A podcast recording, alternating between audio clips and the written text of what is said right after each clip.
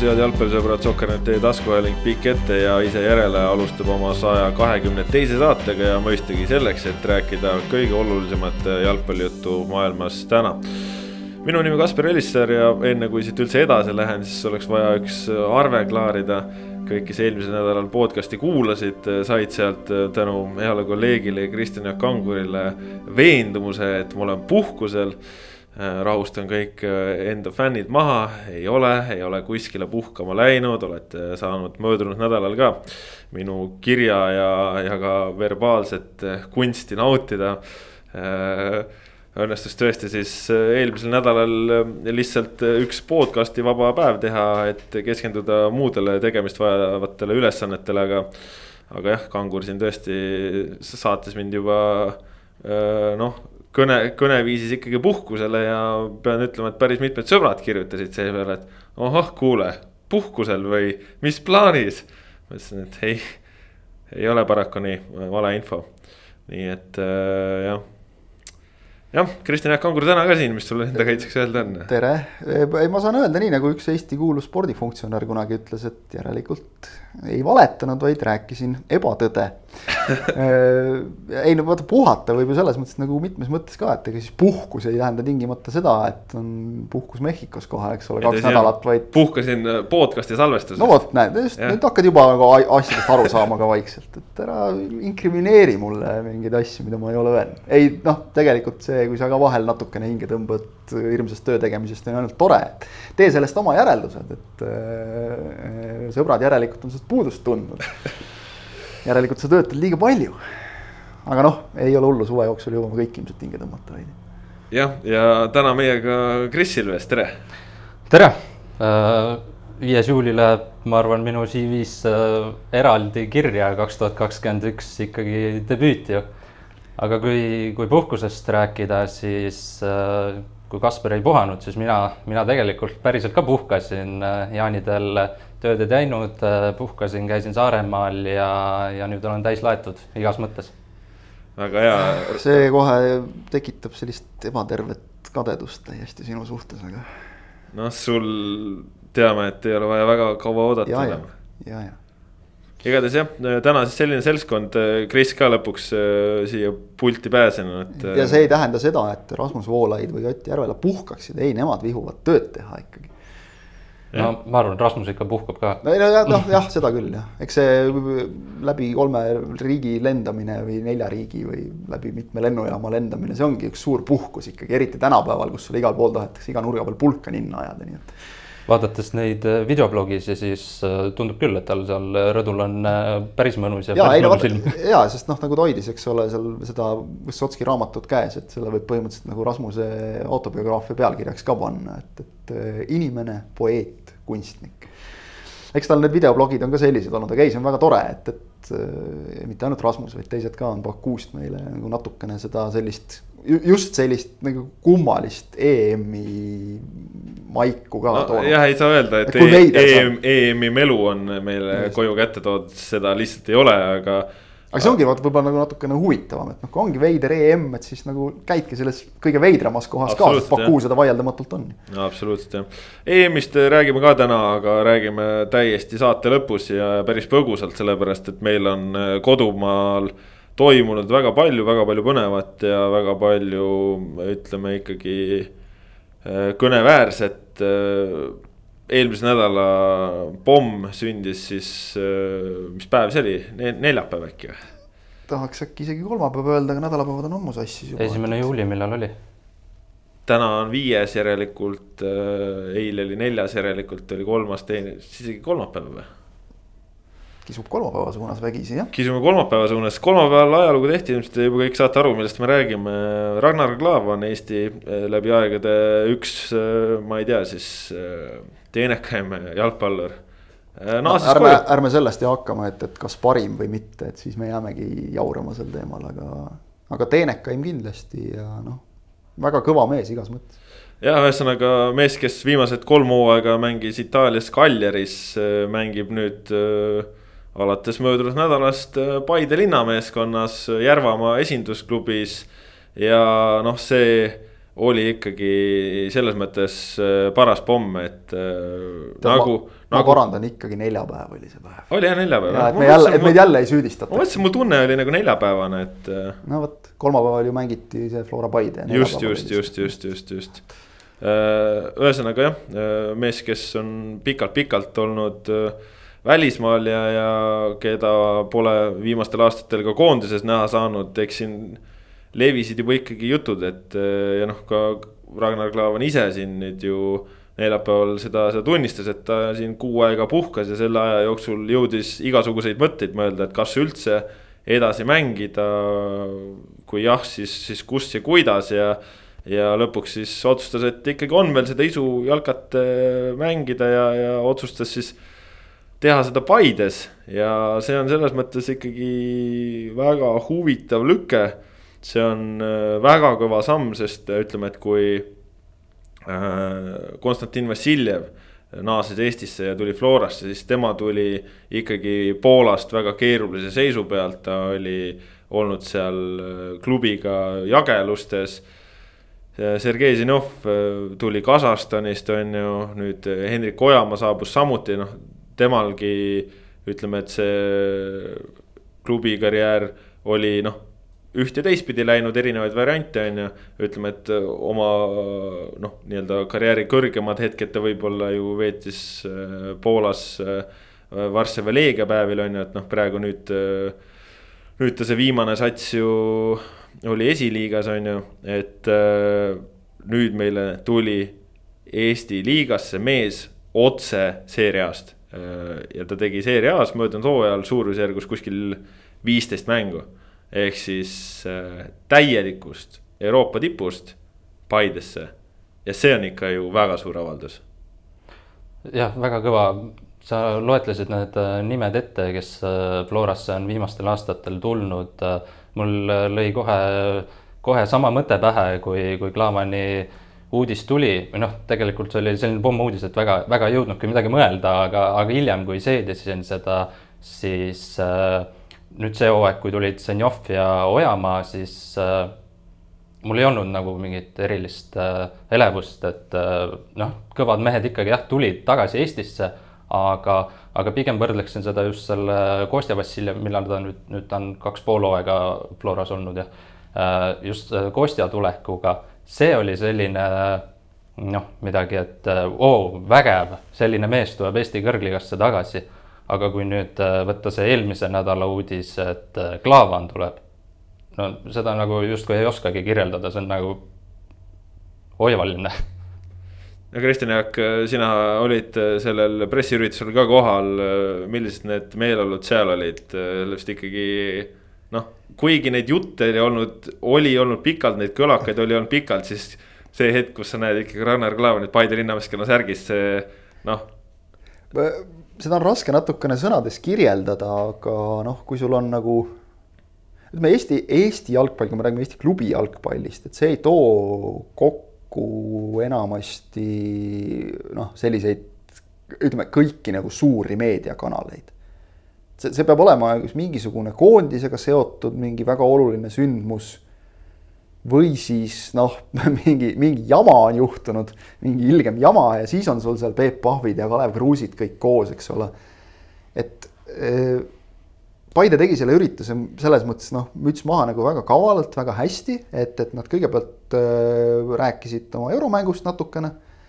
ja, ja noh, siis sa saad aru, et, et nüüd siis algab see põhiosa nagu et nagu klubi president Veiko Veskimäe ka väga osavalt sõnastas, et, et kui eelmine, eelmisel päeval mängiti Floraga. et esimene poolaeg oli noh, selline nagu tavaline sihuke kohustuslik kava ja seal nagu midagi väga-väga erilist nagu ja, ja üllatavat ja rõõmustavat ei olnud. et siis nagu teise poole lõpp, et see läks siis nagu üles, et noh, loodetavasti läheb nüüd ka ja selles noh, ruumis tegelikult ju vähegi mõtlev ja asjades olev inimene saab aru, et, et kui te olete nagu juba kõiki siia kokku kutsunud ja kõik on siia kokku tulnud ka, kõik noh, Eesti kohta nagu väga palju kaameraid, fotograafe, kõike selles väikses Paide loožis. ja, ja, ja noh, siin ei ole nagu teist varianti, sest ega seda, seda kinnitust ei olnud kellelgi, et see Klaavan on, kes tuleb, et noh, siin ei ole nagu teist varianti, et see peab tema olema, eks ole. ja, ja kõik ootasid teda natukene aega, tal läks veidikene jõu, siia kohale jõudmisega aega ja, ja see selline, selline mõnus nagu elevus või ärevus, mis õhus oli. sellist asja Eesti jalgpallis kogeb väga harva tegelikult. ja seda mainisid äh, enne seal laua taga istunud äh, Henri Anier. äkki ka Andrei Frolov, Anier kindlasti, väga äge, et selline üritus siin on, ma kujutan ette, Anier, kes on noh, väga palju nagu välismaal mänginud, kes on harjunud sellega, et, et noh, see käib nagu. see meediamelu käib mängu juurde, Eestis seda ju tegelikult ei koge, et kui sul publikut nagu veel on, siis noh, sellist. enne Eesti mänge nagu meediamelu, see ongi ainult euromängudega tegelikult ja siis koondise mängudega. ja seal ka teinekord on see selline noh. oleme ausad, täpselt Sokernet küsib ja noh, ülejäänud mõned käisid ka ja, ja mõnda ei olnudki üldse viimastel aastatel eriti noh, kuna koondise tulemused on olnud sellised mitte just erilist rõõmu tekitavad, siis, siis on kuidagi olnud natuke selline kohustusliku kava maiki juures. siin nüüd oli noh, tõesti sihuke nagu päris noh, nagu, nagu jalgpallikultuuris tegelikult see asi käib. ja, ja, ja seda oli nagu näha, et mängijad naudivad seda, Klaavan oli näha, et naudib seda. vot seda kõike toob selle mehe, sellise mehe tulek. ja oli näha, et ta oli ise, ta oli nagu tohutult heas tujus, viskas nalja oli aru saada tõesti tegelikult, et noh, kui me räägime sellest seeria A-st tulekust. et jah, seeria A-st Eesti liigasse võib tunduda nagu kummaline samm, et noh, Klaavan tõenäoliselt ta oleks, ta ütles ka ise, et tal oli mingeid pakkumisi, ta ilmselt, kui ta oleks tahtnud ja nagu aktiivselt vaeva näinud, ta oleks saanud kuskil Euroopa sellises korralikus kesktaseme liigas veel oma nime ja CV pealt ja, ja, ja ka oma oskuste pealt loomulikult veel teha siukest noh, üks-kaks hooaega vanust vaadates kindlasti sellised kogenud mehed on hinnad. aga no, no oli aru saada, et noh, ta tahtis koju. ta, ta on ikkagi väga tugevalt pereinimene ja, ja noh, minu meelest ka näiteks Kostja Vassiljevi puhul ikkagi nagu rolli mängis see päris palju. Zenjov ütles ju seda tegelikult, mingil hetkel, eriti praeguses maailmas. see, see on lihtsalt niivõrd oluline. et, et, et noh, olla nagu omade keskel. ja noh, Klavanil on nagu tõestada on nagu väga vähe kellelegi midagi jäänud. et ta on, ta on oma valikutes täiesti vaba et see oli nagu ilmselge, et see, see otsus, ma arvan, on selle pealt tehtud, aga jumal tänatud, et see, et see nii läks, sest et Eesti jalgpall võidab sellest noh, tohutult. Paide mängudel praegu noh, ükskõik, see on, see on täpselt nagu Kris ütles väga õigesti, et sama efekt oli Vassiljeviga. Vassiljeviga tekib nagu see, et ma saan minna, noh, seda oli näha siis, kui Vassiljev tuli Florasse ja kui Flora käis kuskil väljas mängimas ja kui nendel mängudel nagu töögraafik sinna viis kuskil, ma ei tea, Paidesse või. või, või, või, või ükskõik kuhu Narva, Pärnusse, vahet ei ole, et, et noh, kuidas väiksed lapsed tulevad talt autogrammi küsima, tahavad temaga pilti teha, et, et noh, neid jalgpallureid meil liiga palju ei ole. et see, see toob nagu. kuule, kuule, isegi minult on autogramm. seda elevust, noh, jah, okei okay. juhtub ikka vahel selliseid kõrvalekaldeid, aga aga see, see on see, mida, mida nagu nende meeste tagasitulek toob siia. see on äge. absoluutselt ja noh, võib-olla üks selline no eriline saavutus selle asja juures on, on see, et Klaavan valis ikkagi Paide, no me teame, et selle taga on suurestigi see, et Klaavan on Paidega seotud inimestega Äh, ütleme nii, et äh, väga lähedalt seotud, et. Äh, Gerd Kams, Paide spordidirektor oli koondise päevil Klaavani toakaaslane, nad on väga head sõbrad. Veiko Veskimäe, Paide president on Verstoni omanik, Klaavan on nüüd mõned aastad olnud ka üks osanikest Verstonis, ehk siis nad on sisuliselt äripartnerid. ja, ja noh, selle pealt äh, see Klaavani seotus Paidega noh, oli juba moel või teisel varem olemas. nüüd ta tegi selle valiku, äh, mis tõesti ei ole selles mõttes üllatav, aga mis on ühe nurga alt väga-väga märgiline. Äh, nimelt, kui Paide ei ole liigas FC Florat võitnud, siis nüüd Paide sai FC Flora üle väga suure võidu ja sai selle suure võidu väljaku kõrval. ehk siis Flora, kes on olnud viimased aastad Eestis selline klubi, kui nad kedagi tahavad, sest nad tema saavad, kõik tahavad minna Florasse. ja nüüd siis toimus see muudatus, kus Flora jäi pika ninaga siin ei ole vaja üldse palju mõelda, kindlasti Flora tahtis Klaavnit, oleksid teisedki klubid tahtnud. Klaavanit äh,. Aga Klaavan otsustas, et Paide on parem valik kui Flora ja see on tegelikult märgiline. et äh, meil tuleb äh, Eesti absoluutne tippmängija ja, ja ta ei vali Florat, kellel on parimad tingimused, kes on meister, kes mängib meistrite liigat. kus on äh, kõige suurem staff, on ju, et äh, kus on kõige rohkem mingit toetavat personali, kõike, kõike, kõike, kõike. et ta jättis Flora noh, ootele võib-olla sisuliselt ka mingi nurga alt ilma vastuseta, on ju. ja, ja liitus Paidega, et see on Eesti klubi jalgpalli jaoks, ma arvan ikkagi märgiline samm äh,, tähelepanuväärne samm ja see, kui Paide sai Flora üle esimese võidu väljaku kõrval, siis see on võib-olla mingis mõttes isegi kõvem valuuta kui see et nad oleksid siin premium-liigas kuskilt kolm punkti kätte saanud. see ei oleks olnud märgiline, täpselt nagu sa ütlesid. see oleks olnud lihtsalt üks võit teiste reas, oluline võit kindlasti, aga, aga see ei oleks noh, nagu näidanud mingit ütleme siis ilusate välismaakeelsete sõnadega paradigma muutust või midagi sellist, eks ole, et, et see just jah, õige see loomulikult, et need isiklikud suhted loevad väga palju, see on, on arusaadav ja loomulik. noh, Paidel oli ka keskkaitsjat vaja tegelikult sest et Ishaku Konda ja, ja Jussifi see kombinatsioon sel aastal ei ole nüüd noh, liiga kindel olnud.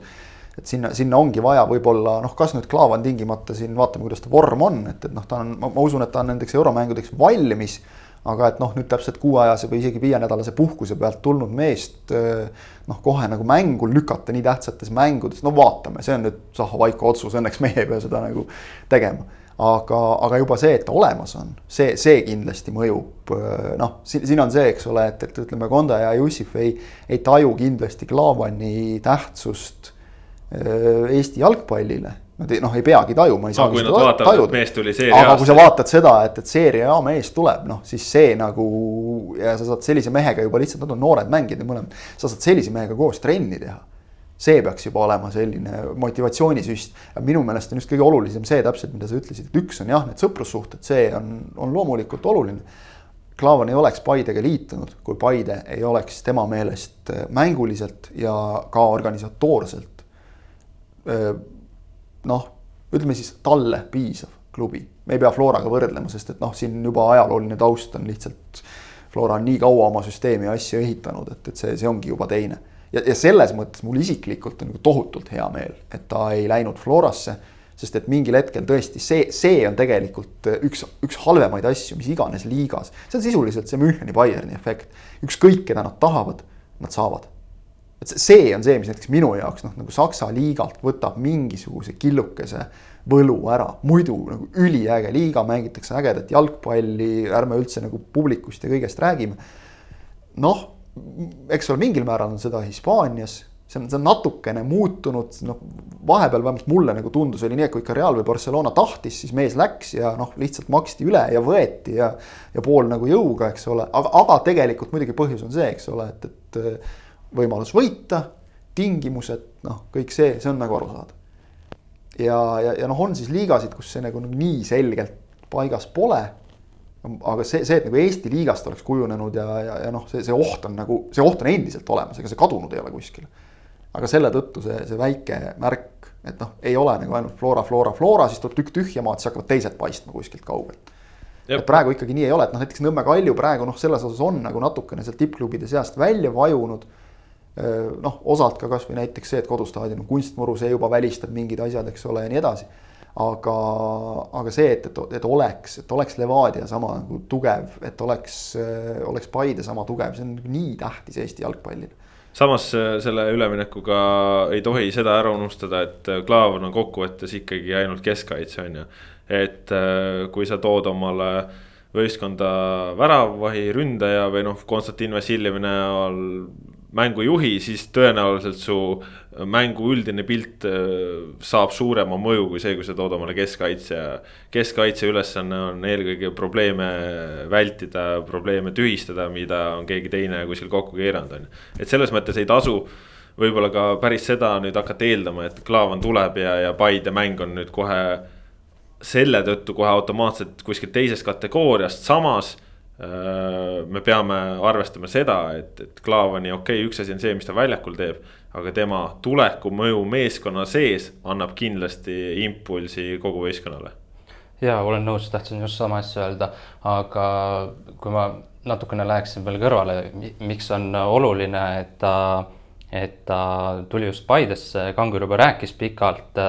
olen ka selles mõttes samas paadis, et hea, et ta ei valinud Florat et läks just Paidesse, mitte Viljandi tulevikku koju või, või Tallinna Kalevisse esiliigasse, mille, mille president ta on, aga just, et ta valis tippklubi, sellepärast nagu ta ise sellel samal pressikonverentsil noh, päris otse vist, no tegelikult ütles otse välja, et ta, ta tegelikult tahab veel koondist esindada ja, ja kui ja kui ta oleks läinud näiteks Viljandi tulevikku Tallinna Kalevisse, Tallinna Kalevist esiliigasse ammugi ei, ei, tõenäoliselt ei saa koondisesse äh,. aga tippklubist, olgu see siis Paide või Flora, sealt on tal, kui ta näitab mängu äh,, mis äh, Eesti koondise peatreenerile äh, pakub rahulolu ja näeb, et Klaavan on, on nagu ka valikmängudes äh, vajalik lüli, siis, siis Klaavanilt selles mõttes ainuõige otsus ja ja Kangur ütlesid, et, et ilmselt ise tahtis, tahtis koju tulla, aga, aga ma hakkasin mõtlema, et kui vana tal see kõige vanem poeg on, et see, mis, kas ta käib juba koolis või läheb kooli, et see on võib-olla üks päris hea argument. kindlasti on, kindlasti on, need asjad loevad, noh, et sa tahad nagu tuua pere koju ja, ja noh, niigi lapsi oled solgutanud noh, mööda eri riike, eks ole, et, et noh, ta on ise rääkinud nagu Inglismaalt lahkumine lastele keeruline noh, Itaalia täiesti teine kultuuriruum, et, et noh, ma ütlen just praeguses maailmas, kus me teame, eks ole, et see on nagu raske, et, et noh, sa sa oled seal ikkagi nagu natuke, see jalgpalluri elukutse on ka selline, et sa nagu elad seal omakorda, isegi kui muid mulle ei ole, siis nagu ikkagi oma mullis, eks ole, kuidagi, et, et see noh, kui sa oled pereinimene, see, see mõjutab nii palju lihtsalt. ja, ja, siin... ja, ja kui mõelda, mida on nagu pere ohverdanud sinu karjääri nimel et noh, siis sa ju tunned, et nagu sul on võimalus praegu anda midagi, midagi vastu, tulla Eestisse, olla siin, eks ole ja, ja noh, see, see on nii suur asi lihtsalt. ja noh, ongi, et kui ütleme, et Itaalia perioodil tal oli siis ju ka see, kus ta ütleme, ongi koondises ei käinud, et hoida oma tervist, oma klubikarjääri ja, ja olla ka perega, on ju. siis nüüd, kui sa oled Eestis siis ju pere nii-öelda osakaal sinu päevast saab olema palju-palju suurem, noh, mitte et ta ju muidu elas ka nendega koos, on ju, kõik selge.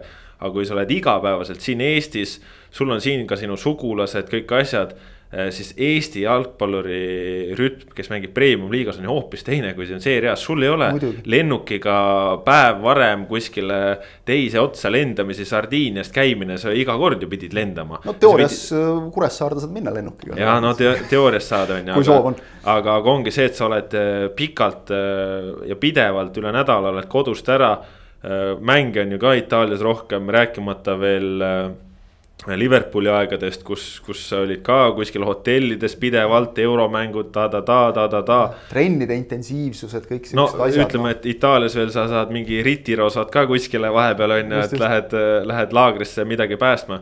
siis nüüd sa tegelikult, sa oled kogu aeg kodus. sul on mängupäev, sa käid seal ära, sa oled jälle kodus, ehk siis see perega olemise aeg see on palju-palju suurem, sest sul on vähem igasugust äh, muud sihukest olmelist äh, või, või klubiga seotud aega, kus sa pead kuskil mujal olema. ja selle arvelt on tegelikult ka lihtsam tulla koondist esindama, et sa oled perega igapäevaselt lähedamalt seotud. sa oled värskem igas ja, mõttes, füüsiliselt, vaimselt, igatepidi. ja noh, ütleme ongi, et ega kogu austuse juures siis äh, Paide treening, tempo, treening, maht kindlasti ei ole võrdväärne Kaljari omaga ja see, see, see ei ole etteheide äh, praegu Paidele, vaid see on asjade lihtsalt lähenemisnurk, et. Premium premium liiga ei ole seeria A. just, et siin on lihtsalt see vahe sees on.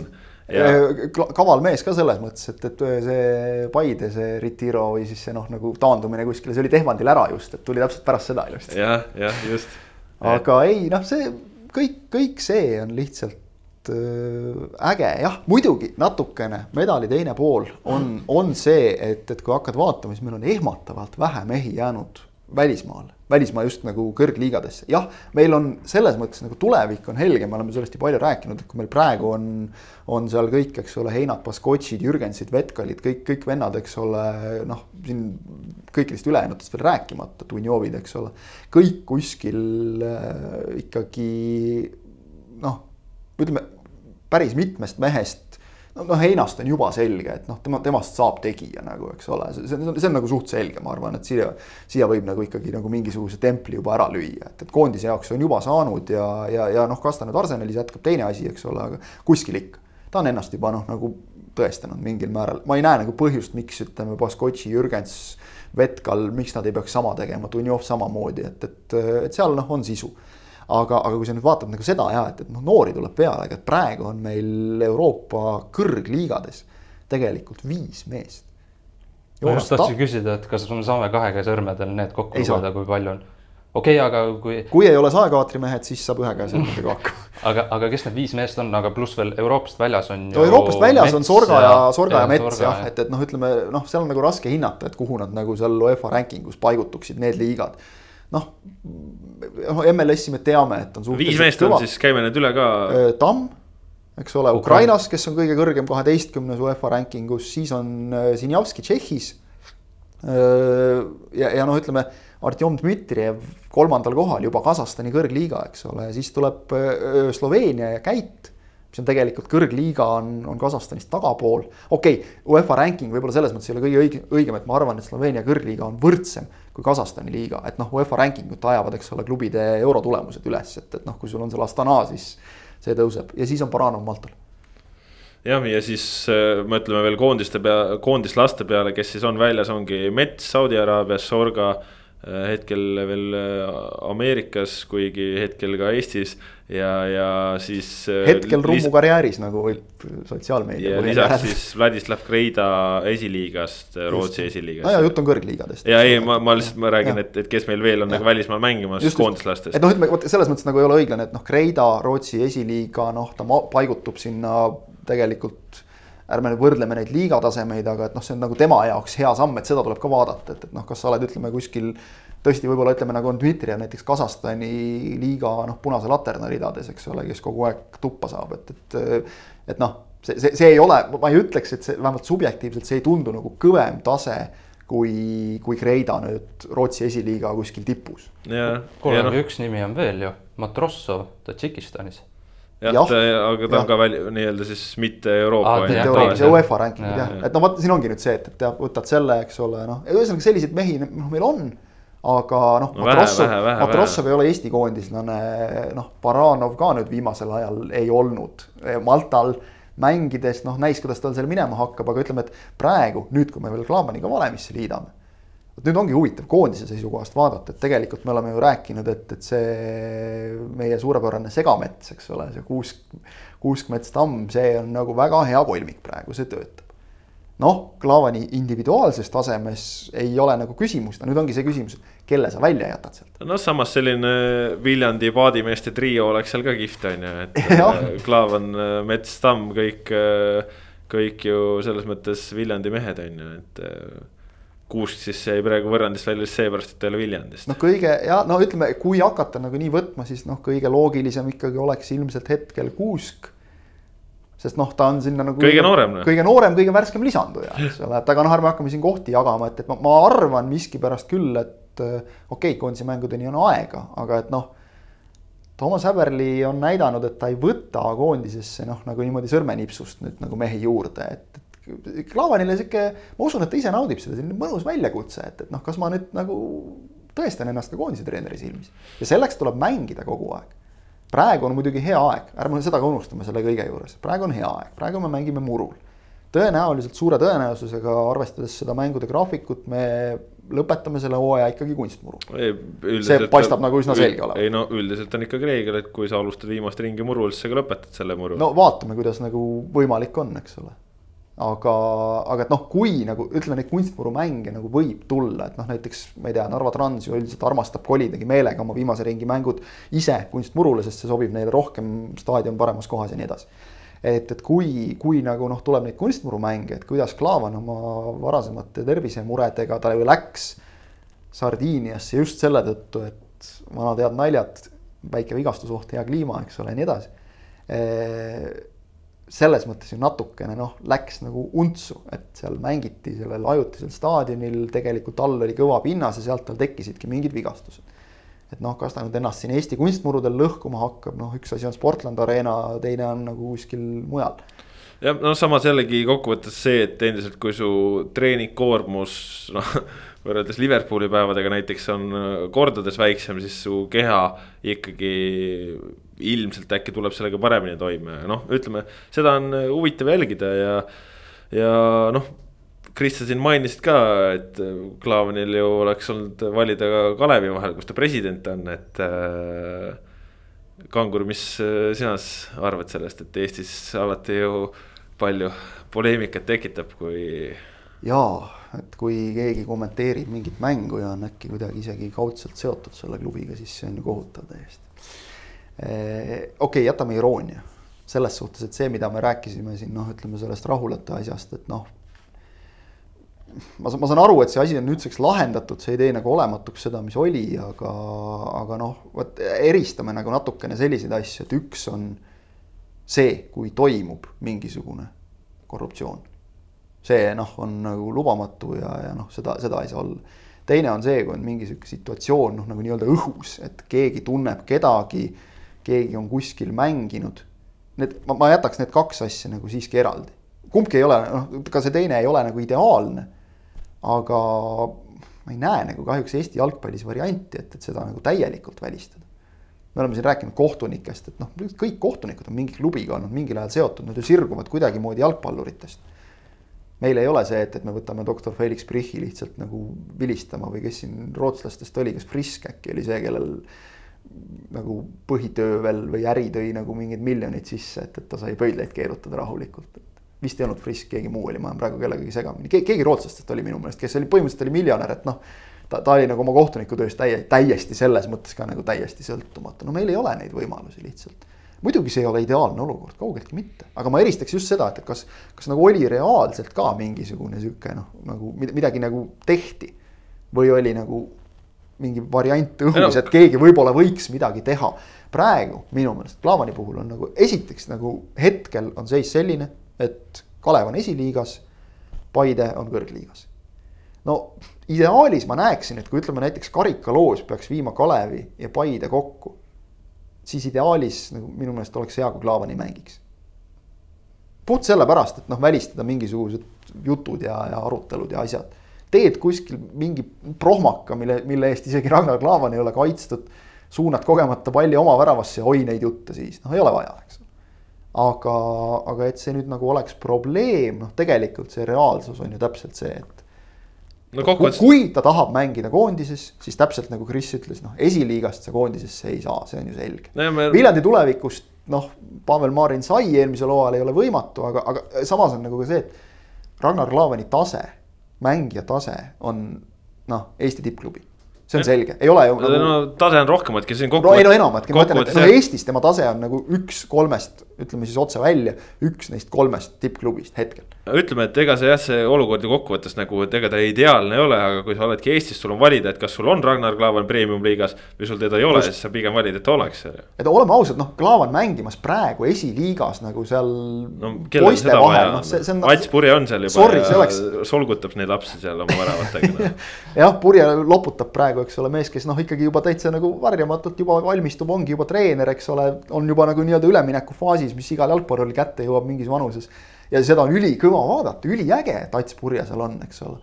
aga noh no,, eks, eks siis. tõele au, et Ats Purje ole ka Ragnar Klavan ikkagi kokkuvõttes. jah, väga kõva mees, tervisi talle ka, aga, aga siiski mitte, mitte Klavan, eks ole ma arvan, ta on ise ka nõus, aga no,, aga ütleme. Ait, ootame sind ka tagasi premium liigasse. ja ei no Ait tuleb tagasi, kui ta niimoodi edasi paugutab, siis on Kalev premium liigas, vot siin ongi nüüd see küsimus, et Klavan viskas ise ka hästi nalja, et, et noh.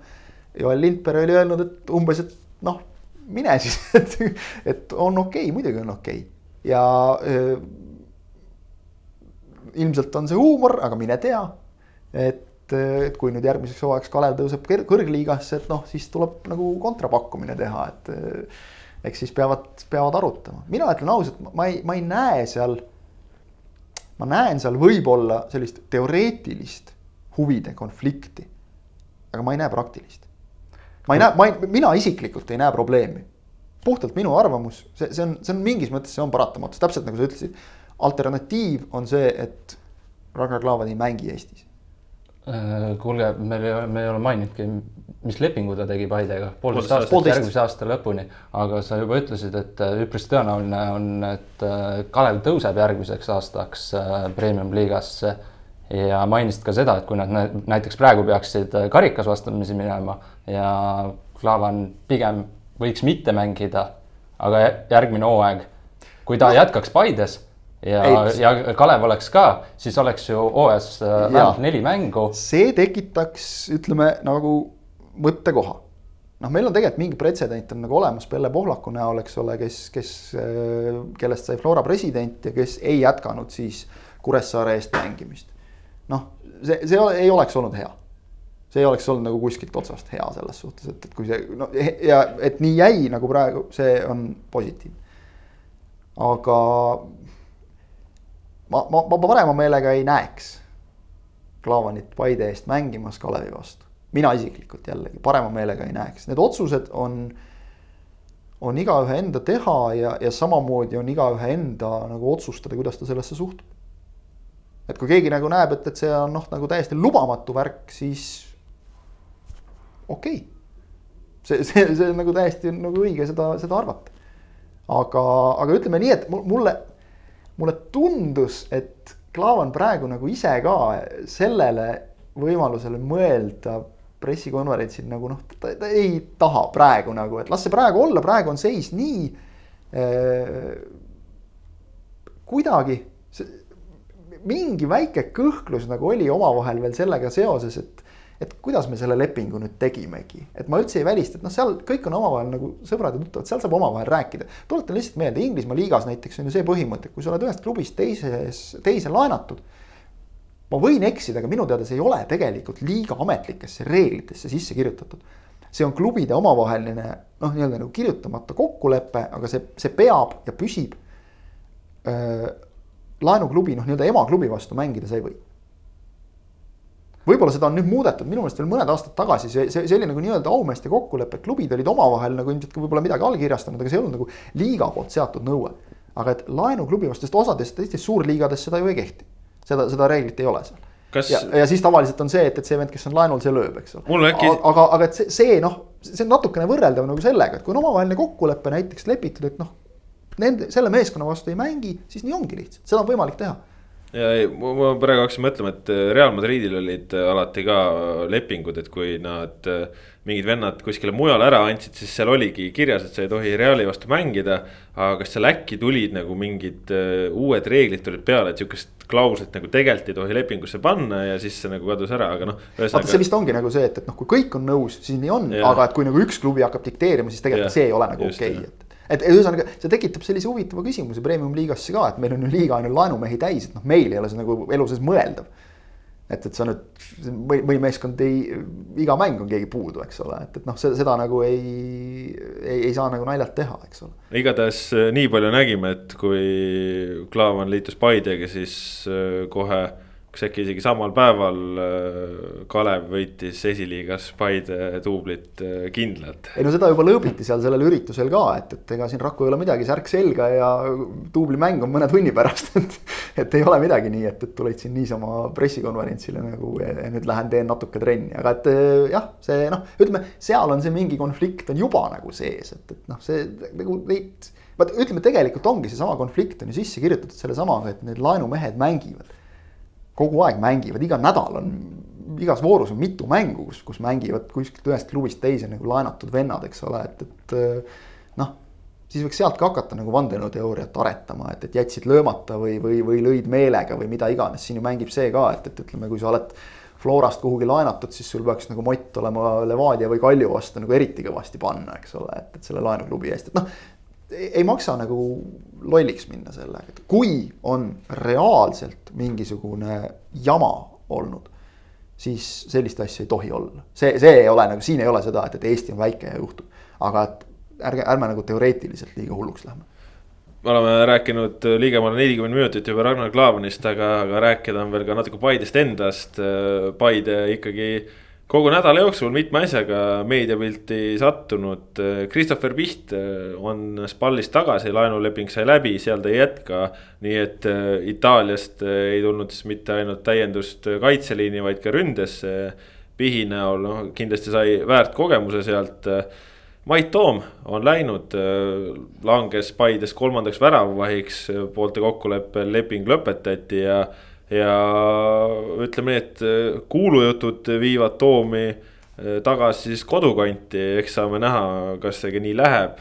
aga on ka üks huvitavamat sorti sekeldus siis Paidel, Seku Kamara.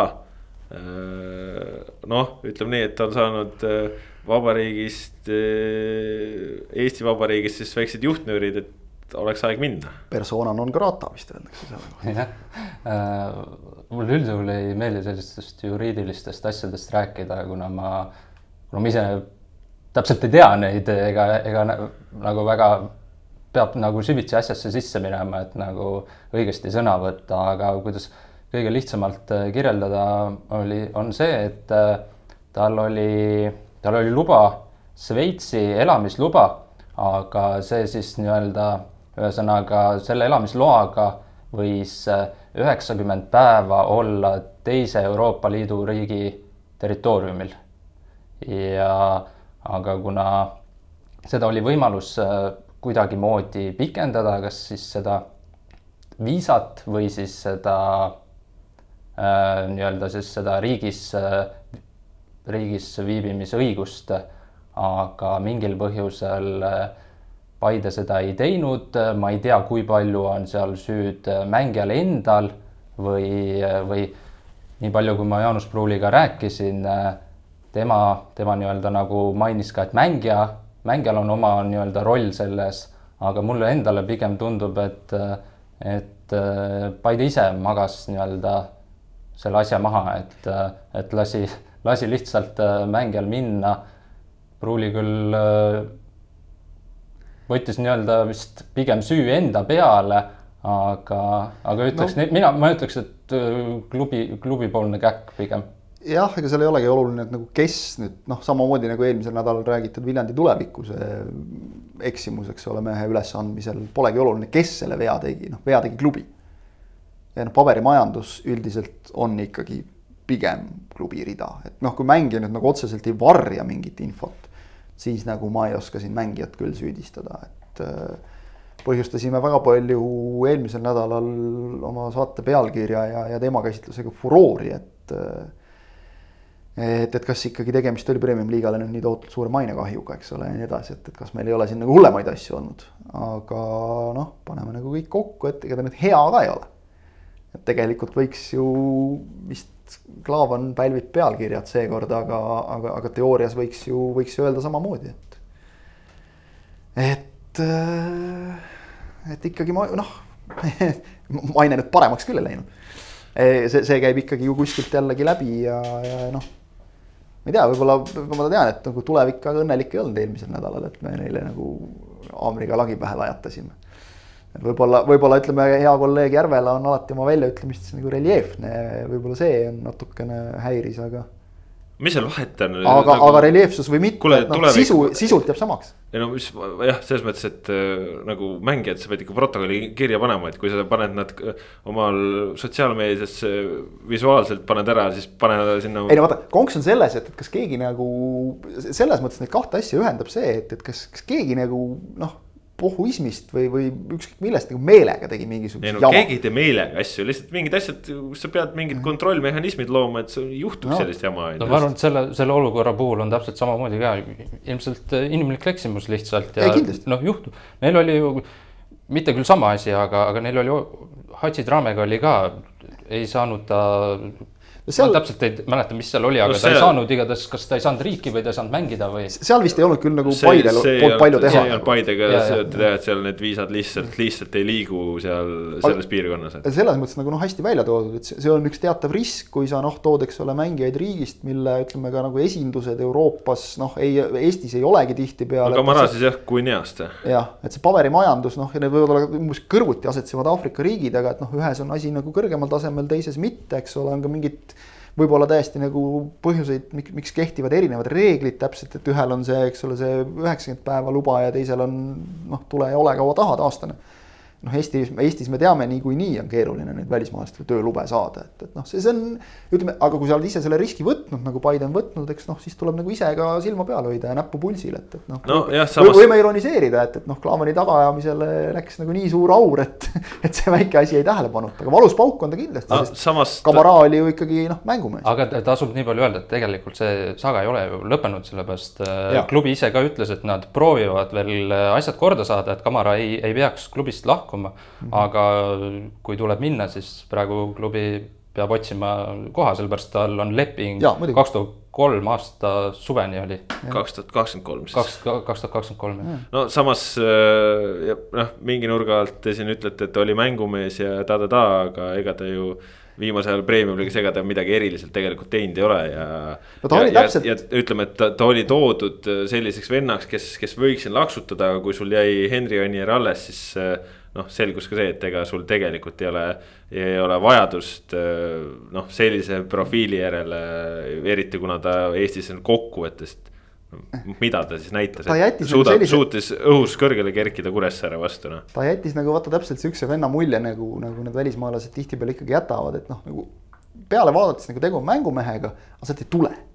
ja kui ei tule nagu, kui sa oled ründav mängija ja ei tule, noh siis, siis tulebki vaadata, et rahaks no,. see- selles mõttes võib-olla isegi nagu mingil määral, kui nüüd Piht on tagasi, kes on noh, ikkagi Paides ja noh, ka Premium liigas ma julgeksin ikkagi öelda nagu ennast tõestanud ründajad on nüüd saanud Itaalias aasta aega nagu igatepidi mehistuda noh, ei olegi nagu kõige hullem võib-olla, et kus selles mõttes nagu otsustamise tegi, teeb see võib-olla isegi kergemaks, et okei okay,, lükkame Kamara kuskile müügiks ja, ja paneme Pihtiga edasi, et, et noh, ja noh, ei, ei saa ütleme, et Kamara viimase aja mänguaega vaadates ei saa välistada, et ütleme.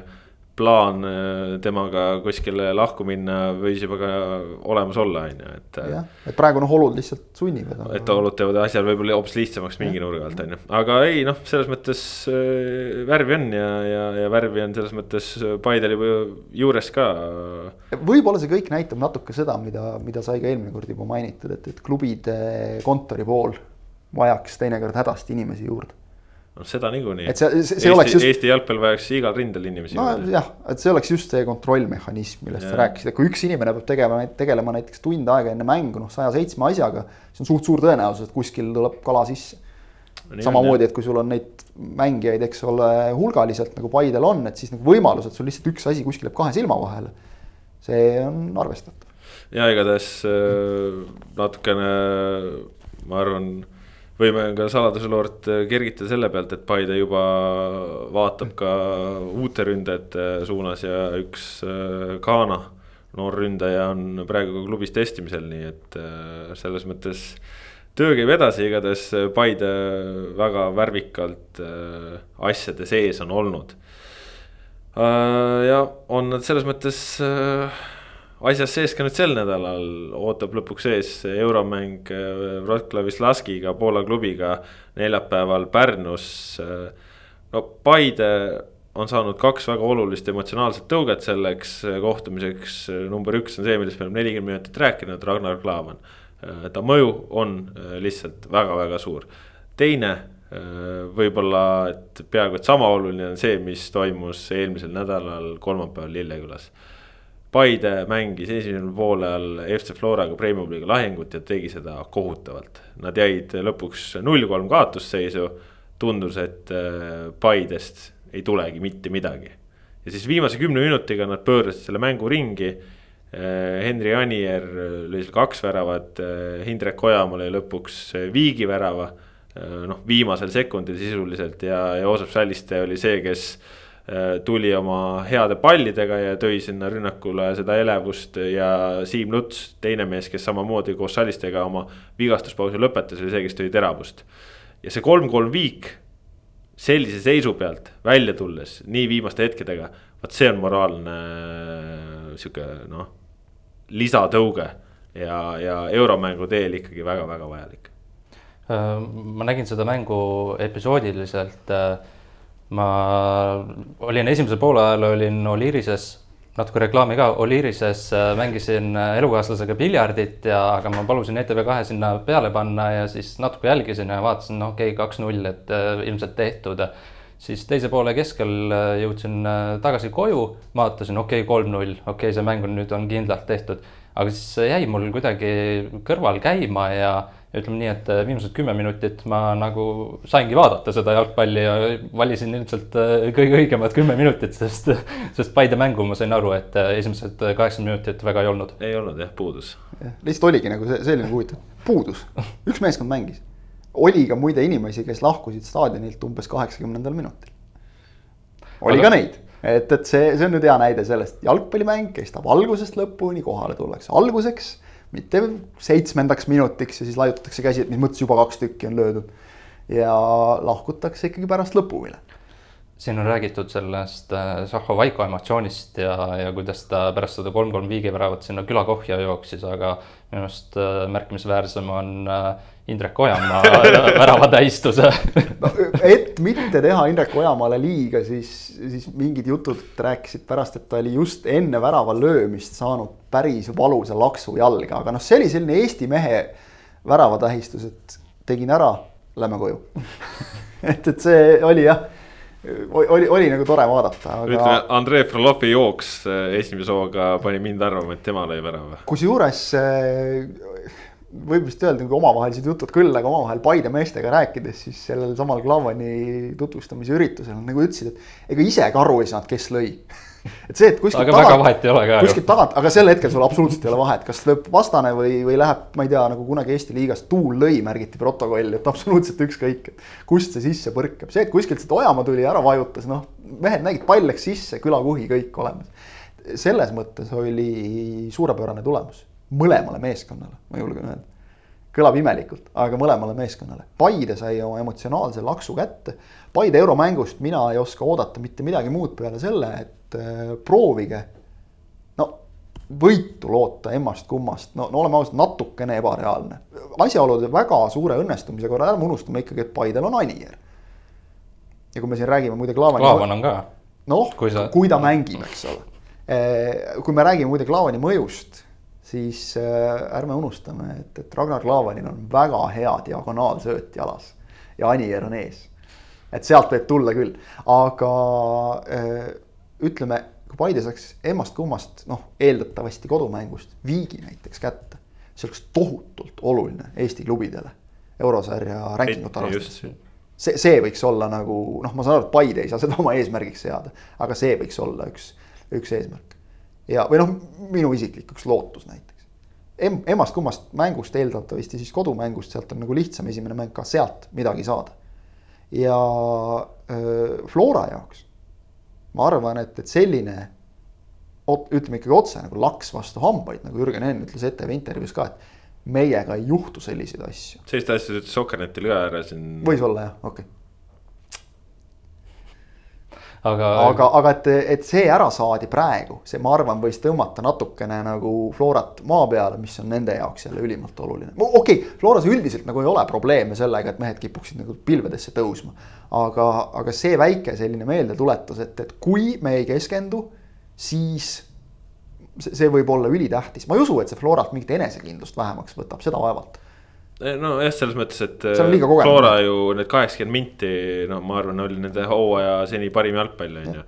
ja, just, ka, ka see on tähtis tegelikult, et nad said nagu selle hea. ja tasub meeles pidada, et see asi toimus ikkagi siis, kui väljakult oli ära võetud Vassiljev äh,, Ojamaa et seal sellised kogenud lülid ja eelkõige Vassiljev on ju, et kui, kui nemad lähevad, siis distsipliin võib-olla ka natuke muutub. täiesti loogilised vahetused arvestades, et euromäng tulekul. mängu tulemust arvestades. kolm-null ees kõik, kõik oli loogiline, lihtsalt seekord läks nii. nojah, ilmselt, ilmselt teisipäeval Hibernensi vastu, kui just vigastus ei sunni või midagi taolist, siis Vassiljevit ei võeta enne lõpuvõllet välja. julgen arvata, jah. aga kui Paide puhul oleks vi üks viik juba kahest mängust õnnestumine, siis Flora puhul mina ootan küll edasipääsu ja nagu kindlalt, vahet ei ole, kuidas see tuleb, kas läbi penaltiseeria, aga, aga edasipääsu oleks siit küll vaja. seda me vist rääkisime mingi paar saadet tagasi, et noh, alla selle nagu ja, ja. iga, kõik on, on. Flora peab peab võitma, seal ei ole.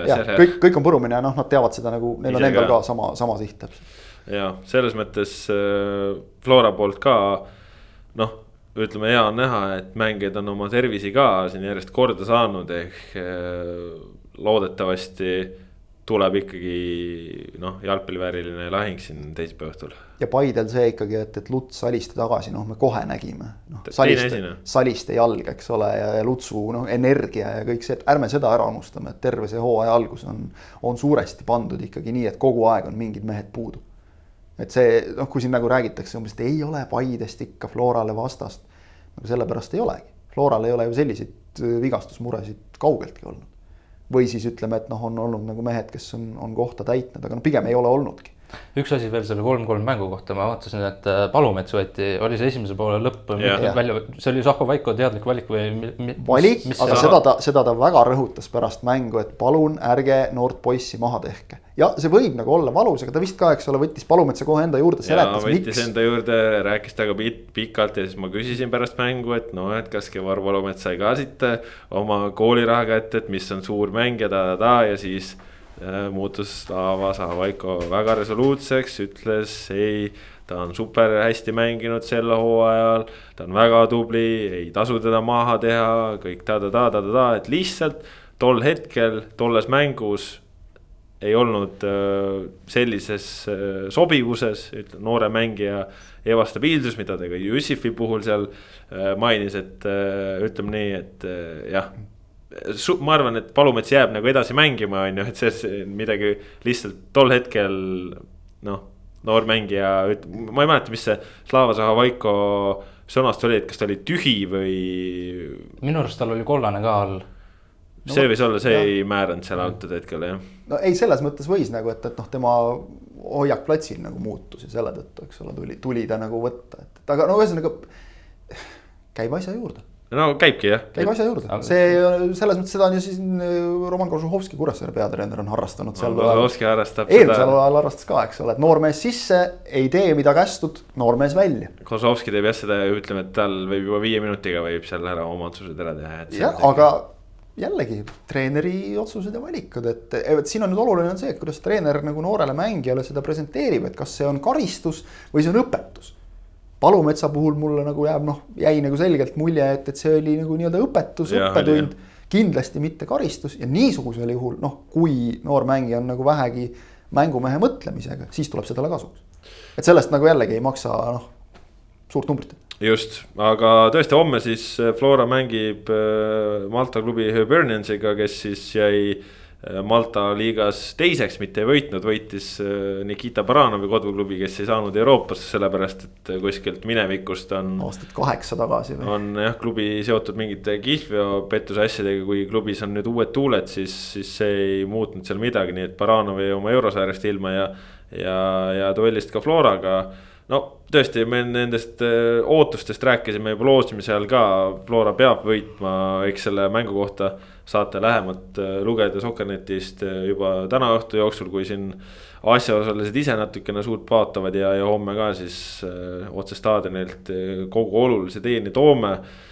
aga neljapäeval Levadial siis seisab ka ees mäng Gibraltari klubi St Josephsiga ja, ja samamoodi, et kui kui Paidel on olukord raske, siis Levadia olukord on selline, et noh, Vladimir Vassiljev ise ütles, et äh, teise ringi nad peavad kindlasti jõudma ja, ja võiks ka kolmandasse ringi ja sealt edasi, nii et äh, selles mõttes seal on ka ütleme, et plaanid on paika pandud. no Levadia sats on niimoodi komplekteeritud, et äh, noh, siis ei oleks mõtet sellel asjal, kui, kui minna Euroopasse nagu ühte ringi mängima. okei okay,, eelmisel aastal oli ka vastavalt komplekteeritud. nagu ikka, garantiisid ei ole, aga noh, siin siin on nagu veel vähem küsimust. siin noh, siin võiks nagu isegi seada eesmärgi, et mõlemad mängud tuleks võita. just jällegi selle koefitsiendi koha pealt nagu, et, et see, see, see tuleks väga palju kasuks, sest et siin noh, on, on võimalus, ma mõtlen siis mõlemad esimese ringi mängud Gibraltari meeskonna vastu. et noh, polegi rohkem midagi öelda. Polegi jah, polegi. seal on nagu lihtne. Putin-Tsanin sai ka siin mängus Tammeka vastu oma esimesed minutid kirja ja see oli siis oluline selle nurga alt, et Bogdan Vašuk on avamängus endiselt veel mängukeelu all ja kas äkki ka teises mängus veel? minu meelest mõlemas, sest et eelmisel aastal tal oli kolm mängukeeldu, eelmisel aastal ta kandis ühe jah, mõlemas. avaringis ta mängida ei saa, ütleme nii, et pigem isegi nagu selle vastase vastu. jah selles suhtes on nagu noh. jah, aga noh, väga oluline. tuleb edasi minna. väga oluline ja, ja tuleb edasi minna jah, täpselt väga oluline no, puude jah. selle aastaga saab kantud, see on nagu see, see on selge. jah, aga igatahes noh, Levadial ka siin jõudu on juurde toodud, äh, Maximiliano Uced ja nii edasi, on ju, et äh, kihvt saab näha olema. no äh, mingid jutud käivad veel ikkagi, et, et. no käivad, käivad jah. jah, aetakse nagu natuke teravama jalaga veel ettepoole mehi ka taga, et, et vaatame. nüüd on muidugi see, et noh, juba neljapäeval on mäng, et, et kas, kas ta nüüd euromängudeks, aga, aga ütleme, kui, kui on nagu selge soov edasi minna, siis noh, mängud lähevad edasi et, et saab ju registreerida küll veel mehi. no ühesõnaga kuulujutt siis puudutab Lilliut, aga ja, see on kuulujutt. see on kõlakas täiesti jah, et noh, ütleme noh, ta on nagu loogiline kõlakas tekkima. arvestades seda, et Kristevski pole suurem asi olnud ja Lilliul on Eesti liiga tuttav ja samas endiselt, et välismaalasi on natuke liiga palju. no siis see tähendakski ja. seda, et Kristevski peaks noh, see, see tähendaks ühe mehe asendamist teisele praegu peaks olema minu meelest arv täpselt täis kaheksa, kui ma ei eksi. no oli üheksa, dollar taava läks ära, nii et kaheksa, äh, peaks vist olema jah kaheksa. ehk siis see viis pluss kolm, mis meil on nagu lubatud registreerida. just äh.... aga Levadia selles mõttes targalt tegutseb ju. Äh, kui nüüd peakski Lilio tulema, siis äh, saadaks, nad ise ei ole tükk aega vaata meistriks tulnud. Nüüd võtavad äh, endised kaljukad, kes on, kes on äh, meistriks tulnud ja, ja mängisid selles ka olulist rolli. ja eelnevalt võtsid juba Florast need, kes on meistriks tulnud, et Beglaršvilid ja nii edasi, on ju, et. selles mõttes on väga kindel valem, et võta võitjad ja siis võidadki, noh, absoluutselt. see on hea lihtne, eks ole, kõik jalgpalliklubid on niimoodi komplekteeritud teatavasti ja see toob kohe ka tulu. Ironiseerides natuke. just Levadial on ju sisu olnud küllaga, eks ole, eelmise aasta satsiga ükskõik kui seal ka, kes oli, vaatas kodus oma uue viisaga passi ja viisa oli teisest riigist kui, kui see, kus mängiti ja. ja kellel ma ei tea, mis asjad maha jäid ja kes kuhu sõita ei saanud, eks ole, et ikkagi oleks pidanud tegelikult seal Fääride klubi kotti panema, et, et noh, ei ole garantiisid garantiisid ei ole jah, igatahes äh, Levadia euromängu siis äh, kõik, kes staadionile, A Le Coq Arena'le ei jõua, saate jälgida Soccernet tv vahendusel, nii et äh, kihvti eurojalgpalli teieni toome. Levadia siis äh, läheb jah, ka sellele mängule võidu pealt, Tartu Tammeka nad kaks-üks alistasid seal. Luka Laukovitš tegi ka enda oma ära, teine premium-liiga mäng, teine punane kaart, ega siin rohkem ei ole vaja midagi öelda, tööõnnetus enne kaks seda. ja kolmandat võib ainult öelda enne seda oli tublilt mänginud aga natukene siin veel premium-liigast äh, rääkida, siis äh, Pärnu Vaprus nüüd sai küll nädala keskel Leegionilt äh, üks-neli ja päris vist sellise kindlalt, et ega seal noh, liiga head varianti seal ei olnud, et Leegion oli ikkagi üle, aga nüüd siin eile vajutasid Transile kaks-üks ja paugust tabelis kaheksandad. Mm.. ma alustaks sellest Leegioni mängust, jah, said kindlalt, äh, see selleks seal äh, Taavi Midembrit, peatreener ka pärast ütles, et et jah, kindel kaotus ühesõnaga, aga publikut oli palju, see oli siis nii-öelda iga-aastane Summer Cup ja publikut rohkem kui ko kohtasid. jah, ma ise kommenteerisin ka seda, et äh, Pärnu rannastaadion peaks tuhat viissada, tuhat viissada üks isegi mahutama, aga, aga publikut oli seal äh, ligi nelisada inimest rohkem ja siis mul tekkis ka küsimus, aga, aga kusjuures vahepeal oli ka mõnda tühja kohta näha, aga aga jah, ma ei tea, kuidas nad need inimesed sinna ära mahutasid, ma kuulsin, et turvamehed ei lubanud nendel väikestel lastel ka seal vahekäikudes äh, istuda, mis on õige ja selles mõttes loogiline, aga. kas, kas Pärnu staadionile ei tule nagu selle arvelt natuke kohti juurde, et seal üleval selle piirde taga saab, saab seista, et, et noh, need seisukohad nagu veel võib-olla juurde, aga noh, väiksed lapsed paned seal kaks tükki ühe istme peale ja niimoodi paigutad ja küll ta läheb, et, et. ei nojah, kokkuvõttes me ju kõik teame, et see publiku rekordid Pärnus on aastaid seotud Summer Cupiga, kus ongi enne, oli see aasta ka kontsert või? Äh, minu, minu teada ei olnud, mina vähemalt kuskil peol ei käinud no,.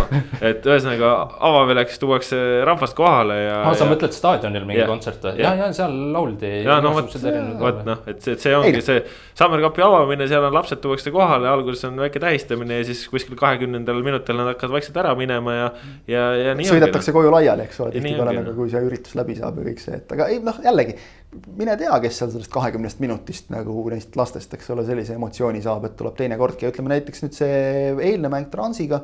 seal oli vist väga ilus number, nelisada nelikümmend neli mulle jäi silma kuskilt, kas see oli nagu lõplik ametlik, ei tea, aga no ütleme noh, saada nagu nelisada inimest ikkagi Pärnus. ma mäletan, olen ise ka Pärnus teinud siin selliseid nagu mänge kommenteerinud, kus, kus noh, nagu noh suvi ja ilus ilm ja kõik ja, ja, ja meeskonda nagu ka on, aga, aga rahvas ikka üldse ei tulnud, et, et Pärnus, Pärnu kogukonna juht, Vapruse kogukonna juht teeb head tööd. üldse see noh, ja, ja sellist nagu püsivat tööd juba mitmendat aastat, see toidab kindlasti. et äh, eh, naljakas võistkond on see Pärnu Vaprus, et tõesti, nad võtavad, võtavad kuskil jälle mingi null kaheksa sisse. ja siis vaatad, et noh, ei, no ei, ei, noh, esiliiga ootab jälle ja siis tuleb sihuke mäng Transiga, kust, kust nagu võetakse jälle mingi oma kolm punkti ja noh, tegelikult hakkad nagu mõtlema, et, et kas, kas nagu saada selliseid kangelaslikke null kaks kaotusi kogu aeg või null üks kaotusi. Kuressaare sinu otsa vaatan natukene siin viimased aastad. või siis, eks ole, kahest mängust kolm punkti ikkagi jälle ära võtta või kolmest mängust kolm punkti. praegu vaatasin, et tegelikult Vaprusel on äh, kuueteistkümne mänguga üksteist punkti, noh, see on selline umbes täpselt kahekümne viie punkti tempo jätame eelmise hooaja kõrvale, mänge oli vähem. Äh, varasematel hooaegadel noh, kakskümmend viis on tihti olnud seal selline, et, et jätad kellegi püsima, selja taha, võid jääda, võid jääda isegi puhtalt püsima sellega.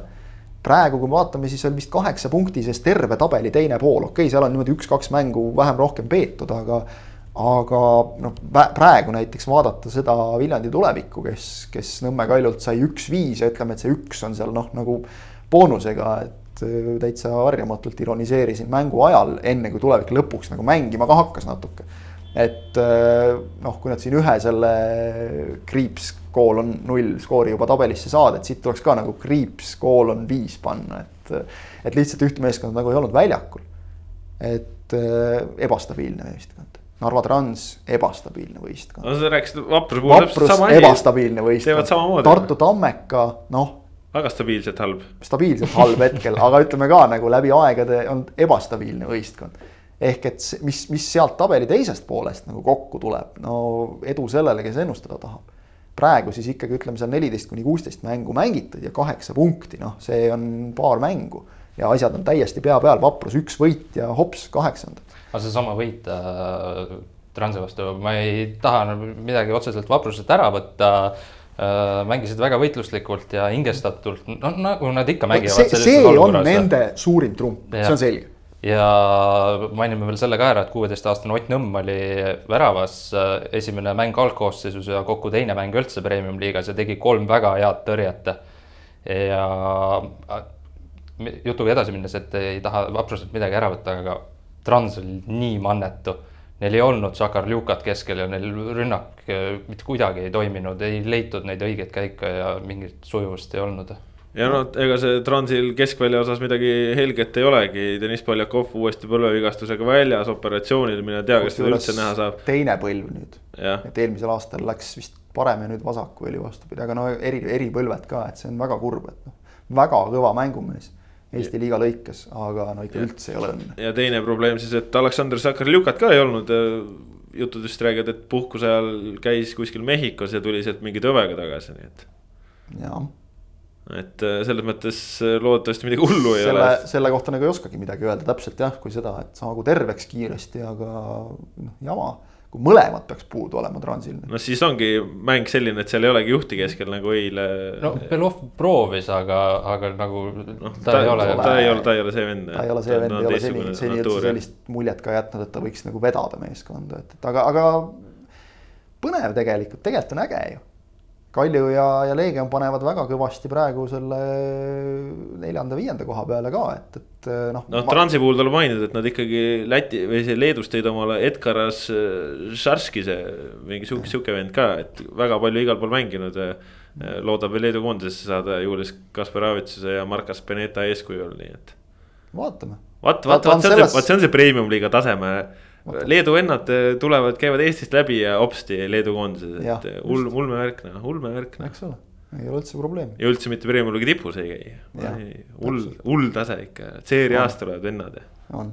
kõva. kõva ei no mis Paide toob siin lihtsalt toobki nagu Itaalia, no ikkagi ütleme nagu Spal ka ei ole nagu kehv sats, et Itaalia tippklubidest ikka. seeria B duublist noh. jah.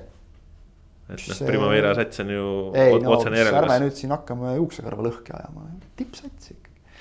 Ei noh, jällegi see on ju, igav oleks ju teistmoodi noh see, see just see, et see tabeli teine pool, okei okay,, isegi minu, minu jaoks nagu see, et ka tabeli teise poole ja esimese poole käärid nagu omavahel võib-olla natuke suuremaks lähevad, noh, ega siis mujal maailmas on samamoodi, et peaasi, et seal tagapool nagu ka, et ei ole nii, et juba vaatad, nii, see on väljas. ja, ja, ja need on siin kuskil mängivad oma kuuenda koha peale ja, ja noh, kõik nagu, et praegu on põnev praegu on põnev jah, ja noh, nagu sa mainisid, Leegion on praegu hea olnud, nädala jooksul kaks võitu saanud Tammeka mured kestavad, endiselt ei võideta kodus, endiselt üldse ei võideta lihtsalt ka. ja, ja. ma parandaksin nüüd... ka su, minu meelest sa tegid eile mängu kommenteerides olulise vea, mitte üksteist, vaid kaksteist mängu peaks nüüd olema juba. on juba jah, nii hull et noh, see, see, see on ikka päris kole, kui sa nüüd vaatad järgmised. üksteist on kodus, üksteist on kodus. just, just ja nüüd järgmine neil on Transiga, noh, väga tähtis mäng. siis on Tammekal Paidega mäng ja noh, siis juuli lõpus äh, tulevikuga. ehk et tegelikult Transi ja tuleviku mängud noh, nagu üliolulised hetkel. punktid punktideks, aga nagu meeskonna jaoks vaimselt ka, et kui need mõlemad näiteks peaks kaotatama. no siis tekivad ikka juba suured küsimused, et noh, me teame, midagi ei ole teha, Kaido Koppel on äärmiselt nagu sümpaatne inimene ja ka treenerina sümpaatne, aga noh, meeskonda välja ei vaheta kui midagi on vaja vahetada, siis vahetatakse treener no,. Aga... kas sellest nüüd kasu on või kas seda nagu peaks tegema, see on omaette teema, aga et noh Tammeka, see natukene mulle tundub, okei okay,, mehed on vigastatud, on nagu muresid, aga mingites asjades täiesti kõrvaltvaataja pilk seestpoolt kindlasti paistab teistmoodi. natukene tundub selline seisva veega tiik praegu noh, see on samas jällegi, et suvi jõudis kätte ja suvi tähendab seda, et Tammeka hakkab tavaliselt mängima, et nad siin viimased kaks hooaega on olnud ju ka suve noh, alguspooleks kuskil täitsa mudas ikkagi ja siis on välja roninud, viienda koha ära võtnud ja, ja ongi kõik ilus. publikust rääkides jäi silma, et et äh, Tammekal oli see number vist sada seitsekümmend üks, mis on väga Tartu, Tartu kohta väga, väga, väga väike. sa ju mainisid ise vist umbes, kui Mihhail Artjuhov võttis kuskilt teise poole lõpupoole nagu laulu üles. Äh, Leegioni poole pealt, et nüüd kuulame ka esimest korda midagi, mis fännlust meenutab. ja ei no oli. see, meenutame seda, mis on olnud nagu tünnisaunad, värgid, asjad, kõik möll käib, eks ole, trumm, lipud. Tammeka on olnud ikkagi nagu üks eestminejaid selles osas, et see on nukker praegu. see oli päris halb jah, aga noh saame näha, Kalju ka siit tõesti tuleb uue hooga, vähemalt see tulevikumängu põhjal küll, et täitsa nagu jalgpallivõistkond ja mängisid hästi ja, ja lõid väravaid ja. Läheme nagu jälle selle sõna juurde tagasi, ebastabiilne on see Kalju. äkki saavad stabiilseks nüüd? aga selles mängus, no võib-olla see Amir Natost vabanemine, mis nagu tundub äärmiselt tõenäoline äkki see nagu eemaldab mingi pinge võistkonnast, ma ei ütle, et nagu NATO süüdi oleks selles pinge tekitaja, aga noh, see on nagu loomulik, et kui sul on mingi sihuke asi, mängijad tunnetavad, midagi käärib, ükskõik kes mängijatest, mängija ja treeneri vahel. Homutov, kui niimoodi mängib, noh, tipp-topp ju mm. -hmm. kui ta mm -hmm. nii selliseid lööb või, või kui Pavel Marin lahti mängitud karistuslöögist risti paneb, et noh. täpselt mängijaid ju on, seda me oleme kogu aeg rääkinud, kokkuklapitamine on probleem igatahes liiga on äh, põnev ja, ja liigat siis äh, sel nädalal äh, ei naudi, naudime euromänge, naudime karikavõistlusi, mis tulevad nädalavahetusel. ja seda kodumaist jalgpalli jagub ja, ja noh, kui me siin saate alguses räägime sellest, et. et Ragnar Klavan tuli tagasi koju, siis on Eesti jalgpall jäänud ka treenerite osas vaesemaks, ehk siis välismaalt. meil enam kõrgliigas treenerit ei ole, Argo Arbeiter pani ka KTP-s omal soovil ameti maha, oli seal raske ja, ja tundus, et on ideed otsas ja, ja vajab puhkust, nii et. ega no. siin rohkem midagi ei olegi öelda, kui et Ark Mul..., soovime sulle head puhkust.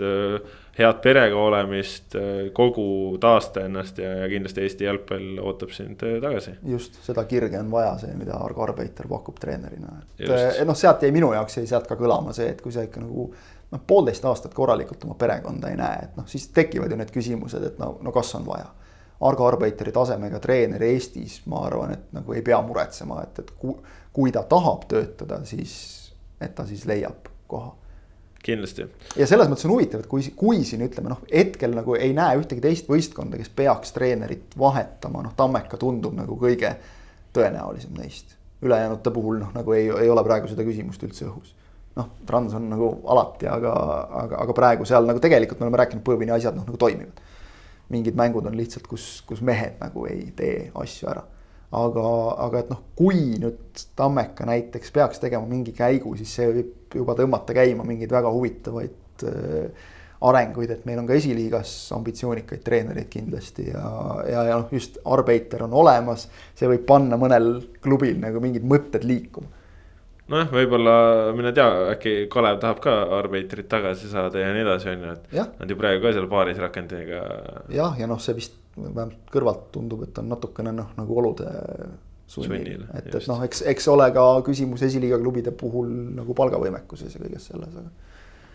aga noh, nagu nägime, et, et kui, kui sa saad nagu Klaavani toodud, noh, kes ilmselt muidu nagu küsiks vähe kõrgemat palka kui seda, mida Eestis maksta jõutakse, et siis kui on head jutumehed, siis saab kokkuleppele ikka ja noh, kui Argo Arbeiter on ühel pool lauda, siis ma arvan, et jutt jookseb hästi, seal ei ole probleemi jah, ei las, las mees kõigepealt puhkab Just. ja küll siis leiab töö ka, aga noh. jõudu talle ka minu poolt tõesti. päris mööda ei saa vaadata ka ühest mingisugusest jalgpalli suurvõistlusest, mida mängitakse Euroopas erinevates kohtades ja mida nimetatakse EM-finaalturniiriks.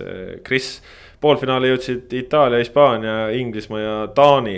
noh, sealt veerandfinaalide üllatuspotist siis noh, nii suuri üllatusi ikkagi ei tulnud, kui, kui enne võis arvata, mis see sellest seltskonnast arvad, kes lõpuks sinna poolfinaali jõudis äh,? väga meeldib mulle isiklikult äh, vähemalt kolm meeskonda sealt äh,. üks äh, on siis, kes omavahel lähevad, äh, oli see mäng homme äh,. Hispaania, Itaalia, mõlemad meeskonnad mulle väga sümpaatsed äh, äh,. ei meeldi Hispaania peatreener, aga meeldib meeskond äh, Itaalia on mulle hakanud meeldima just äh, tänavuse turniiri põhjal. hümni pärast või? ja, ja ka hümni pärast aga, aga ka eelkõige see, kuidas nad, kuidas nad on mänginud siiani ja hea, et nad said selle Austria, Austria raske mängu, see, ma arvan, et äh, mõnes mõttes tõstis neid äh, nagu uuesti maa peale normaalselt, et kui nad oleks sealt ka kuidagi ma ei tea, kolm, nel-, kolm-null, neli-null üle läinud, siis, siis võib-olla oleks nagu noh, raskeks läks, nagu rääkisime, oli kolm-kolm mäng Flora Paide, mõlemal oli see kasulik. ma arvan, et see lisaaja raske võit oli Itaaliale kasulik ja siis muidugi see Taani.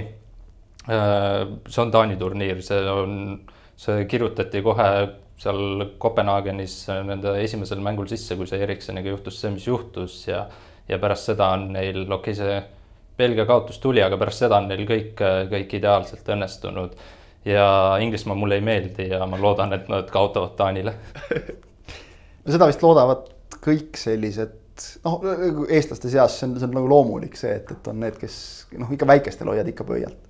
minu jaoks isiklikult, kes ma noh, olen nagu Inglismaale pöialt hoidnud, on nagu ideaalne poolfinaal, sellepärast et ükskõik kumb sealt edasi läheb, siis mul on finaalis lemmik olemas kuidagi viimasel ajal on, on sattunud tihti nii, et igasugused suured finaalid küll koondiste, küll klubi tasandil on nagu läinud nii, et, et noh, suht suva, kes võidab nagu, et kumbki ei istu eriti.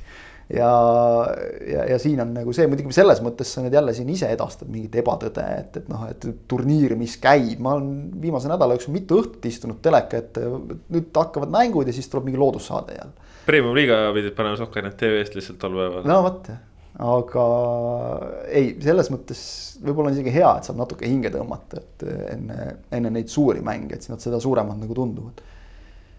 Äh, Itaalia on ka mulle erakordselt sümpaatne, mulle ei ole kunagi Itaalia meeldinud ja ma kahtlustan, et see sai alguse noh, sealt kuskilt sealt üheksakümnendatest, kus nad nagu tõesti mängisid sageli ikka päris. päris koledat jalgpalli, ütleme otse, Catenaccio kõlab nagu nii ilusti ja elegantselt, et tegelikult see nõme mäng, mida nad mängisid minu jaoks vähemalt, okei okay,, üheksakümnendatel mängisid kõik nõmedat mängu, eks ole, aga noh. aga see Itaalia-Hispaania paar on selles mõttes päris huvitav, mõlemad meeskonnad on sel turniiril mänginud just äh, palliga, tahtnud mängida, domineerivat jalgpalli tahtnud mängida, aga nüüd nad äh, lähevad omavahel vastamisi. ma arvan, et äh, Hispaania rohkem surub selle peale, aga samas vaadates, kuidas Itaalia on mänginud üles-alla, üles-alla, üles-alla, neil, neil ilmselt sobib see kõik, mis Hispaania pakub. suur küsimus Itaalia puhul on ikkagi see, et, et kui, kui kõva pauk see Spinazzola vigastus on, et, et noh, nagu asendaja leitakse, aga ta oli ikkagi nagu nii hea.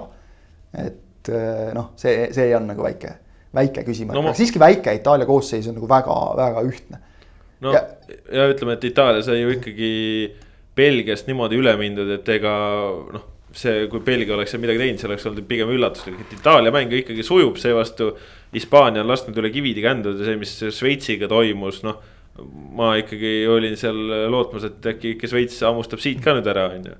no Šveits oli selgelt nagu mitte selle tõttu, et nad olid outsider'id ja väiksemad, vaid nad olid selgelt igatepidi sümpaatsem võistkond selles mängus, et Hispaania noh, ma isegi seda Slovakkia mängu alagrupis nagu ei hindaks üleliia kõrgelt, et, et seal jah, noh, slovakid lihtsalt nagu mingil hetkel mentaalselt andsid alla, et, et. et ei, ei ole mitte midagi ilusat olnud, et kui sulle ei meeldi peatreener, siis mulle ei meeldi üldse, kuidas see meeskond mängib, et, et seal nagu noh, on sümpaatseid mängijaid täiesti ja, ja tegelikult mulle jubedalt meeldiks, kui kui Morata selle hirmsa tampimise peale noh, teeks nagu veel midagi ilusat ma ei tea, on kuidagi miskipärast ikkagi pigem sümpaatne mängija minu jaoks olnud, ma ei oskagi öelda, miks. aga et noh, sealt ma ikkagi julgeks tegelikult isegi Itaaliat senise põhjal ikkagi soosikuks nimetada, et Hispaania mäng on, on, on, logiseb ikka nagu nii mitmest kohast no,. Nad ei saanud ju, nad ei saanud Šveitsi vastu kõige hakkama ja noh, selles mõttes, et äh, mulle ka Hispaania peatreener ei istu oma valikute tõttu ja ma loodan, et nad saavad kinga kukuvad välja ja, ja Luis Enrique lihtsalt püütakse ära ja tuuakse uus normaalne mees sinna, et.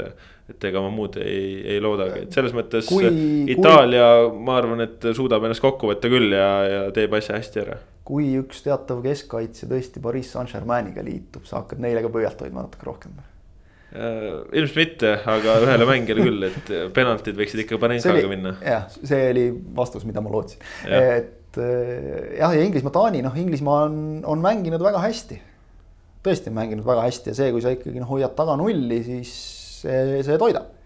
ja, ja Inglismaal mulle tundub ka, et äh, sarnaselt Itaaliale on, on meeskonnas sügavust. ja nüüd on täpselt see, et äh, jälle legende tsiteerides nagu ihan fifty-sixty, et kas see Wembley'l mängimine mõjub nagu kammitsana kaheksandikfinaalis. see on ikka ulme, et üks, üks sats peab panna alagrupist finaalini välja sedasi, et üks võõrsil mäng, noh, see on nagu koduturniir ju no jaa, ei no kujutad ette, Prantsusmaa sai eelmisel, eelmisel EM-il niimoodi no, lõpuni välja. vot seda oligi, nemad, nemad saidki, aga näiteks ju Hispaania pidi ei, juba no,, juba mujal see, mängima. jabur on see muidugi. teised see, korraldajad pole saanud sellist, sellist ole, luksust. keegi paneb kodus ja, keegi peab äh, Bakuusse sõitma, eks ole, et noh, see, see nagu näitab, et miks see süsteem on totakas natuke. aga ma ootasin huviga tegelikult seda Ukrainaga mängu et äh, kuidas inglased, oli see Roomas jah ja., et äh, esimest korda äh, nagu sel turniiril väljas äh, ma, ma tegelikult. ma ootasin ka, aga kolme minutiga sai huvi läbi ma siiralt lootsin, et Ukraina suudab midagi, aga, nad olid sellest Rootsiga mängust, nad olid just nii tühjad, kuigi okei okay, no., nad said hea emotsionaalse laksu, aga, aga nad olid kuidagi nii tühjad. Nad olid mitte, jah. kuidagi ja. mitte midagi. seal oli see ka ikkagi, et, et kui neil sai, Krõvtsov oli vist keskkaitse vigastada esimesel poolajal, siis tuli ju tegelikult neil tuli asetust muuta selle tõttu, et neil ei olnud lihtsalt tegelikult nagu kolmandat keskkaitset enam võtta sinna et noh, see, see nagu ka natukene ikkagi, ikkagi näitas ja on mul üks kana kitkuda Felix Prichiga. ei olnud vaja vilistada seda mängu üheksakümnendal lõppenuks, lase need kolm venda platsile, kaks meest oleks saanud EM-il minuti kirja, no okei okay,, võib-olla see ei ole suur asi nagu, aga ole nüüd normaalne peast natukene, et jah, muidugi selge, et kui mäng on neli-null, et siis sa võid üheksakümnendal lõpetada ka, aga see oli näha, et, et mehed ootavad seal, noh. ma ei tea vilista mäng seisma korraks, lihtsalt pane, anna mingi suvaline karistuslöök ja las nad tulevad korraks, et. aga noh, doktor Prih Saksamaalt, ega sealt vist nagu väga palju ei saanud loota ka loomingulist lähenemist. ja nii oli jah. kuulge, aga pühapäeval on finaal, paneme ennustused ka või? et järgmises, järgmine saade on juba EM on läbi. siin üks mees tegi oma ennustuse juba enne turniiri algust ära ja jääb sellele kindlaks, eks ole, et ükskõik kes see võidab, aga koju ei tule koju ei saa tulla jah. ma, ma ennustaks siis. Itaalia seega järelikult. Itaalia-Inglismaa finaal, kuigi ma ütlen täiesti ausalt, et mul vähimatki ei ole selle vastu, kui Taani jõuaks sinna. Äh, süda ütleb, et Taani võiks kinni panna. mõistus ütleb, et Inglismaa-Itaalia finaal ja Itaalia võidab selle. ma olen nõus. väga hea, kohe näha, et esimest korda oled podcast'is. ei no vähemalt sa ei öelnud Inglismaa võitu või? ja, ja, ja ei, see, see kõlaks nagu nii, see oleks nagu nii loogiline, et Inglismaa jõuab sellele. nii loogiline, et Inglismaa ei, ei, ei saa kätte. jõuab sellele nii lähedale ja siis ei saa. see oleks ehk inglaslik. aga samas ma ei tea, mis maailm läheb katki, kui nad jõuavad finaali ja nad võidavad selle. no kannatab ära vast. ei, oled sa kindel või? Inglased, inglased on-, kes ei ole kuuekümne kuuendast aastast midagi võitnud, kui nad nüüd küll. võidaksid, me appi, inglased küll, inglased küll, oleme ausad, kui sa noh. kas Hispaanias oleks, kui Hispaania oleks kuuekümne kuuendast aastast nagu kogu aeg niimoodi saanud vastu hambaid, okei okay,, inglastel on see sisse DNA-sse kirjutatud arrogants, kus nad nagu arvavad, et nemad ongi kõigist paremad, noh, see, see nagu rikub päris palju ära nende puhul. aga, aga et, et kui oleks Itaalia või Hispaania, et, et kas, ega siis sealne nagu kodune meedia kirjutaks ka, see on, ma arvan, asi on selles, et, et meil inglise meedia on nagu Eestis ka tuleb nagu nii palju peale, ka, igasugune kollane meedia pluss mida Inglismaal on tohutult palju. Et see võimendab seda, et kõik on noh, nagu mustvalge, võidavad jumalad, maailma parimad, mis iganes, lõpuni välja, võit on juba meie, see turniir on juba kinni pandud, hakkame Wembley't juba pidustusteks broneerima nädal aega hiljem. kaotavad, siis on täiesti mõttetud vennad. et noh, see, see mustvalge nagu see, see minu meelest see võimendab, ma nagu näen jube palju neid, kes kes räägivad sellest, et, et küll nüüd need Inglismaa fännid saavad vastu näppe ja kõik, kes te olete kuulutanud, et Inglismaa võidab. Ma neid kuulutajaid nagu vähemalt Eestis nagu Eest-, Eest-, noh Eestis hoitakse ka Inglismaale püüet, ma nagu nii väga palju ei näegi. et on need, kes nagu põlgavad Inglismaad kogu südamest.